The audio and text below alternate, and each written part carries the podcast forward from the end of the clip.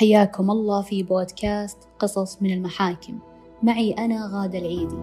في حياتنا الكثير من القصص التي تستحق أن تذكر وتروى للعظة والعبرة ومن هذا المنطلق راح آخذكم في هذا البودكاست لأرض المحاكم والقصص التي تدور خلف أسوارها.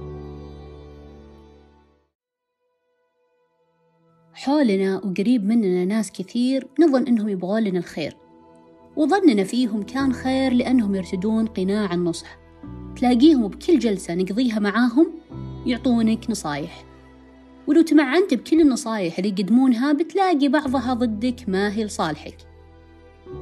ببدأ معكم قصة قضيتنا اليوم لكن للتذكير برجع أنوه أنه جميع الأسماء المذكورة في هذه القضية لا تمت للواقع بصلة. محمد ومريم يحبون بعض ومتزوجين من ثمان سنوات. نقدر نقول عنها علاقة كاملة ومثالية. عايشين بشقة لامتهم بكل حب. وما كتب الله أنه يكون بينهم عيال. لهذه اللحظة قاعدين يحاولون لكن ربي ما كتب. متكلين على ربي وصابرين بقناعة. طبعا محمد عسكري ومناوباته كثيرة لكن الإيجابي بالموضوع إنه راتبه ممتاز ومكفيهم وزود مريم برضو موظفة وتشتغل بمدرسة وعلاقاتها كثيرة جدا. من صديقات جامعة دوام أقارب. يعني وقتها دايم يروح بالجمعات مريم عندها صديقة بالدوام اسمها فاطمة. متزوجة وعندها عيال. وكانت هي أقرب واحدة لمريم وبكل مرة يروح محمد مناوبة تيجي فاطمة لمريم وتسهر معها. بأحد الأيام ناوب محمد اليومين وكانت تصادف إنها weekend فمريم أعزمت فاطمة على النوم عندها وقالت جيب العيال معك يعطون للبيت جو. وفعلا جتها ونامت عندها وسواليف تجر سواليف. لين سألتها فاطمة قالت أبسألك ما تنزعجين من دوام زوجك وغيابه الطويل عنك وأنت لحالك؟ مريم قالت لا بالعكس هذا شغلة. وبوقت غيابه أنشغل بأمور ثانية لين يرجع ونصير مشتاقين البعض أكثر. قالت بس ولو ما هي حلوة تقعدين أيام كثيرة لحالك. وأنا والله العظيم لو إني منك أقعد عند أهلي وأخليه ما يستلم مناوبات إلا مرة بالشهر. وكملت جملتها بسؤال صدم مريم. بعدين وش دراك إنه يروح يناوب؟ لا يكون متزوج عليك وأنت يا غافل لكم الله. طبعا مريم ما خطر على بالها ولا واحد بالمية إن محمد يكذب أو إنه من الرجال اللي يستغفلون ويتحججون بوظيفتهم. لأنه إنسان واضح ويحبها وبينهم عشرة مو هينة. وبما إنها ما حبت سؤالها البجيح جاوبتها بكل حدة وثقة ومزحة برزحة. قالت ليش تحسبين كل الرجال مثل زوجك؟ وضحكوا لكن فاطمة من جواتها كانت متنرفزة من رد مريم. وحست إنها قاعدة تدقها بالحكي عن زوجها. فصارت فاطمة بكل جمعة ترمي حكي عن مريم حتى أثناء وجود محمد. وتنبهها على أن اتصالات زوجها كثيرة وغيابه طويل وأن وظيفته ترى ما فيها كرف ولا تتطلب كل هالمناوبات. وكانت تدعم كلامها بأشياء تزيد من شكها مثل أنتم ما بينكم عيال ولا في رابط قوي. وهنا عاد جت على الوتر الحساس اللي هو عدم الإنجاب. وصارت تصغر بعينها كل أفعال محمد حتى وهي ببيتها ترسل لمريم رسائل مثل أنتم مقتدرين وموظفين وعايشين بشقة ليش ما تجيبون شقة أكبر؟ ليش ما تشترون بيت؟ راقبي فلوسه وأفعاله. شوفي وين يودي راتبه ليش ما تأمنين حالك معه؟ وعشان تطمنين وتصدقين كلامي اختبريه. وجربي مرة ما تسمعين كلامه أو اتركيه وقت المناوبة وشوفي هل بيفرق وجودك بحياته ولا لا. ومن هالكلام. طبعا مريم صارت بين نارين كلام فاطمة وحبها لمحمد.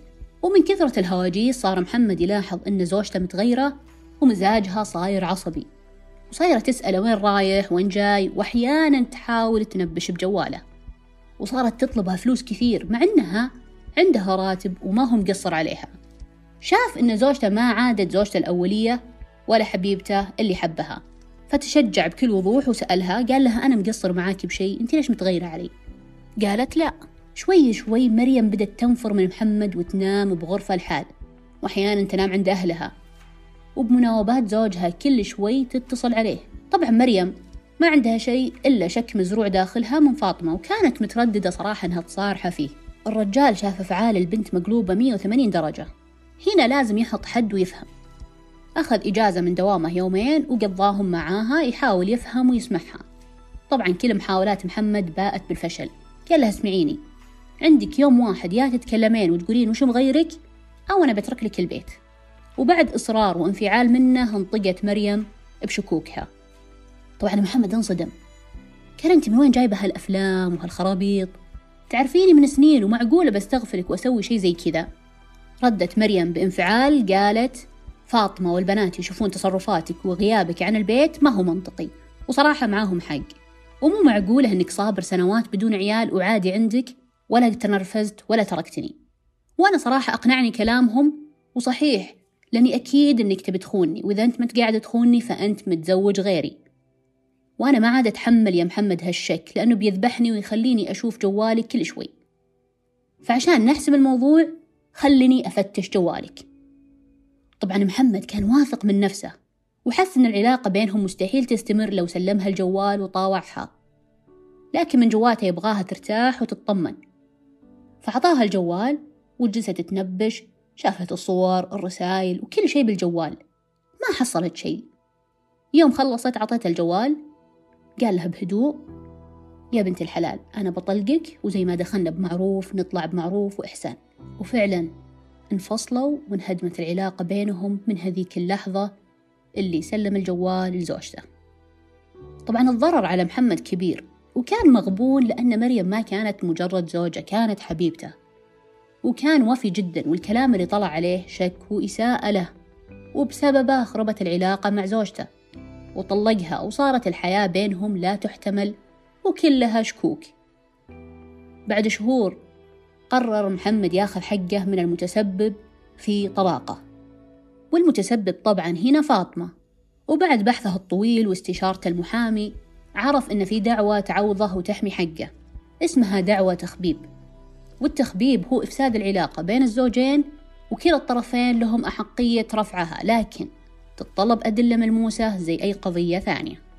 فطبعا محمد قال أنا الآن أمامي خيار إني أروح أطلب مساعدة مريم. إنها تعطيها الرسائل اللي كانت بينها وبين فاطمة والكلام وكل هذه الأدلة.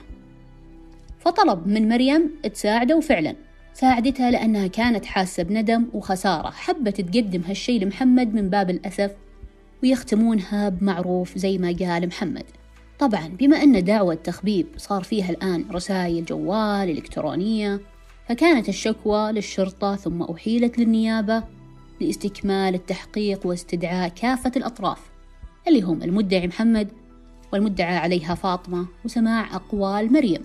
وبعد سماع أقوالهم واطلع المحقق على رسائل فاطمة وتأجيجها لمريم وزرع الشك واتهامها لمحمد بما ليس فيه إنه هو يخون ومتزوج بالسر فراح قال المحقق لفاطمة الحين أنت معك أدلة على الكلام اللي أنت راسلته للبنت؟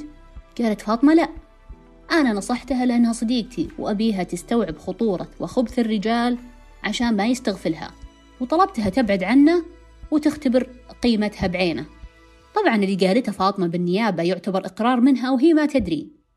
عشان كذا المحقق سجل إقرارها بملف القضية وأحالوها للمحكمة تلبية لطلب المدعي بمطالبته بالحق الخاص. وبالمحكمة اطلع القاضي على ملف القضية وادعاءات المدعي ورد المدعية وإقرارها الموقع عليه من النيابة العامة وشاف الرسائل المرسولة لجوال مريم والمحادثات وتأجيجها لمريم التفت لها القاضي قال هل أنت مدركة أساسا لخطورة الشيء اللي سويتيه؟ وإنه فعل محرم شرعا ويدخل في باب التخبيب وبسبب كلامك الأشياء اللي قلتيها انفصلت صديقتك عن زوجها بالباطل وبالشك. قالت يا شيخ أنا نيتي أصلح بينهم وأنصحها وما قصدت إني أفسد بينهم. ولا توقعت يا شيخ أن تأثيري بيكون بهالقوة عليها وأنا نادمة. التفت القاضي للمدعي اللي هو محمد وقال له تبغى تضيف شيء؟ قال الزوج فعل فاطمة ألحق لي ضررا نفسيا. وبسببه تمزقت أسرتي وابتعدت عني زوجتي ووقع الطلاق بيننا. فأنا أطلب منك يا شيخ أنك تعوضني بمعاقبة المدعى عليها عقوبة تردعها وتزجر غيرها.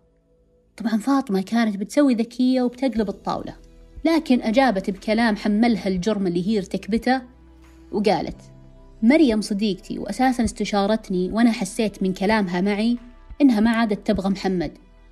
فكنت يا شيخ أحاول أساعدها وأنصحها أنها ما تسمع كلام زوجها وتهجره عشان يكرهها ويطلقها وما يترتب عليها خسارة مادية وترجع له المهر في حال أنها هي رفعت عليه دعوة. وهذا الشيء كان لمصلحتها. قال لها القاضي أنت أكيد تقرين بالكلام اللي قاعد تقولينه؟ قالت إيه طبعا هي تحسب أنها دافعت عن نفسها ما تدري أنها زادت تأكيدا لإقرارها اللي أقرته في النيابة واعترفت باعتراف آخر عظيم اللي هو تأجيد صديقتها. وبعد سماع الدعوة والإجابة ولما تضمنته الإجابة من إقرار لما فعلته المدعى عليها تجاه الزوجة يدل على أن هذا نوع من أنواع التخبيب المنهي عنه شرعا لقول الرسول ليس منا من خبب امرأة على زوجها. والسعي لتحريض الزوجة على زوجها لإفساد العلاقة بينهم. ولوجود رسائل نصية إلكترونية مرسلة من هاتف المدعى عليها لهاتف الزوجة تتضمن تحريض وتخبيب فحكم القاضي بما يلي.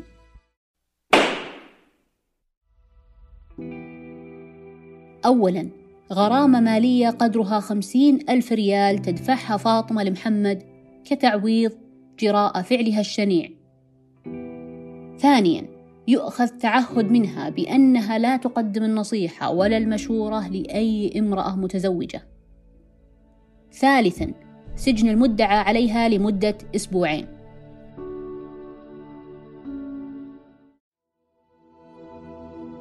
العبرة من هالقضية إن مو كل ناصح محب ولا كل من رمالك كلمة عن شخص تحبه وعزيز عليك تسمع له. وفي العلاقات العاطفية أو الزوجية بتلاقون ناس كثيرة مركزة معاكم في العلاقة. فمو بالضرورة أنهم بيكونون يعرفون مصلحتكم أكثر منكم. إذا أنت متقبل شريك حياتك وعارف نقاط قوته وضعفه وتحبه نصيحة لا تخلي أطراف ثالثة تدخل بينكم. ولكل مخبب ومخببة. خاف الله فيما تقوله لأن كل كلمة تقولها مؤثرة. أكثر خراب العلاقات يكون من القيل والقال. عشان كذا اتبع قاعدة شوف الناس بعينك لا تشوفهم بإذنك.